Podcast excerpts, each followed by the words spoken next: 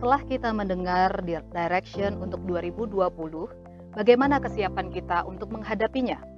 Kita sudah ada di penghujung tahun dan dalam hitungan hari, tahun akan berganti. Telah hadir bersama kita Bapak Tony Sartono yang akan membahas tentang peluang, tantangan, dan harapan di tahun 2020. Selamat pagi Pak Tony. Pagi Mbak Damai. Kita mulai dulu ya Pak dari ya. 2019. Bagaimana sebetulnya gambaran kondisi ekonomi baik di nasional dan global ini Pak untuk di tahun 2019 dan bagaimana sebetulnya dampaknya terhadap kawan lama? Baik, sebetulnya kalau kita melihat kilas balik 2019 dari Januari sampai November banyak sekali memang industri mengeluh bahwa perekonomian kita ini tidak maju tidak mundur alias stagnan.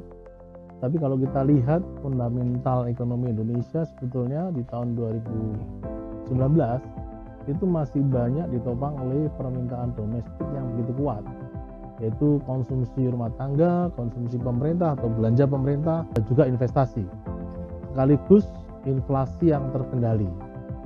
Kembali kalau kita lihat kinerja atau kondisi sektorial dan retail, kita lihat memang kinerja manufaktur nasional itu turun terus menerus turun semenjak bulan Mei dan bulan November ini kelihatannya udah mulai membaik.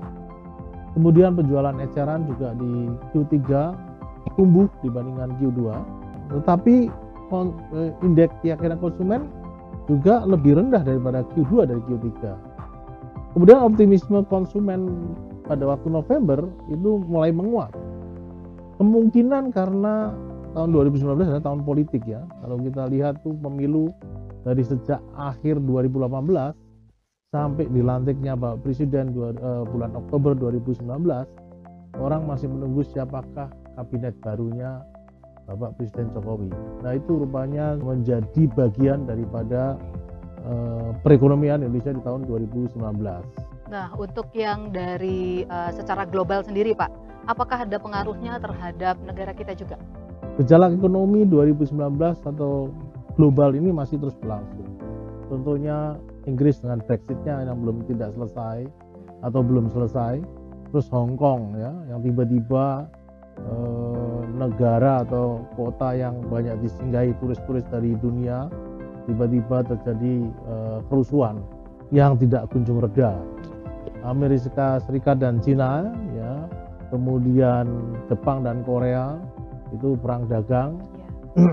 kemudian sumber ketidakpastian yang akan terus berlangsung menuju tahun 2020. Jadi setelah kita mendengar penjabaran Pak Tony tadi, berarti kondisi global dan nasional yang sekarang terjadi di uh, Indonesia ini itu juga masih akan terbawa ke tahun 2020. Nah, bagaimana kira-kira Pak? Apakah di 2020 ini kondisi ini masih membawa apa ya Pak ya? Uh, masih menjadi sesuatu yang kurang menguntungkan atau bisa menguntungkan buat kita, terutama untuk kawan lama Pak? Oke, baik. Kalau kita lihat risiko global itu masih akan terjadi perang dagang kata pengamat ekonomi dunia. Kemudian manufaktur masih soso, investasi kelihatannya juga masih melihat uh, apa uh, kemungkinan-kemungkinan yang terjadi dan resesi ekonomi. Tetapi yang menarik adalah perlambatan pertumbuhan ekonomi itu terjadi tidak hanya di negara tertentu, tapi banyak negara, mulai dari Amerika, Jerman, China, Indonesia, Singapura, Inggris, Jepang, negara-negara terkenal itu tidak ada pertumbuhannya itu menurun. Yang istimewa adalah yang masih di atas 5% itu bisa kita lihat adalah Cina, Indonesia salah satunya, termasuk Indonesia termasuk ya Indonesia, Pak? Vietnam, India dan Filipina. Ini sebetulnya uh, menjadi harapan kita untuk 2020 sehingga uh, di samping tadi mungkin orang pesimis tapi ternyata ada optimisme uh, pertumbuhan ekonomi di Indonesia khususnya. Berarti kalau misalnya kita lihat pertumbuhan ekonomi tadi sebagian besar masih ada di negara-negara Asia dan Indonesia termasuk salah satunya. Dan bagaimana kalau misalnya secara makro Pak penjelasannya? Kita uh, Indonesia nanti di tahun 2020 asumsinya seperti apa kita akan tumbuh? Oke, kalau kita lihat pertumbuhan ekonomi tahun 2019 itu orang mengatakan 5,3, kemungkinan 5,1, tapi tahun 2020 diperkirakan 5,3. Stabilitas konsumsi dan akselerasi infrastruktur tetap akan berjalan karena tentu saja nanti kita lihat bagaimana pemerintah menyikapi itu. Kemudian inflasi kemungkinan akan lebih stabil karena ada penguatan koordinasi antar institusi, ada perbaikan distribusi seperti kita tahu kan jalan yang dibangun tol laut ya. jalan tol ya jauh sekali banyak perbaikan 12 kemarin diresmikan jalan layang Cawang Kerawang yang kurang lebih 36,5 kilo kemudian ya, nilai tukar yang akan stabil dan tentu saja suku bunga juga akan stabil itu uh, asumsi dasar ekonomi yang menurut saya agak menjanjikan untuk pertumbuhan Indonesia. Berarti kalau misalnya berdasarkan asumsi dari uh, ekonomi makro berarti cukup menjanjikan pertumbuhan di Indonesia. Dan kalau menurut Bapak apakah resiko global yang tadi atau uh, kondisi global yang tadi juga masih seperti perang dagang, kemudian ada penurunan atau resesi ekonomi yang terjadi di luar negeri, apakah itu nanti akan juga mempengaruhi um, kondisi ekonomi di Indonesia, Pak? Uh, tentu saja kita udah nggak bisa berdiri sendiri lagi, pasti ada pengaruh dari ekonomi global.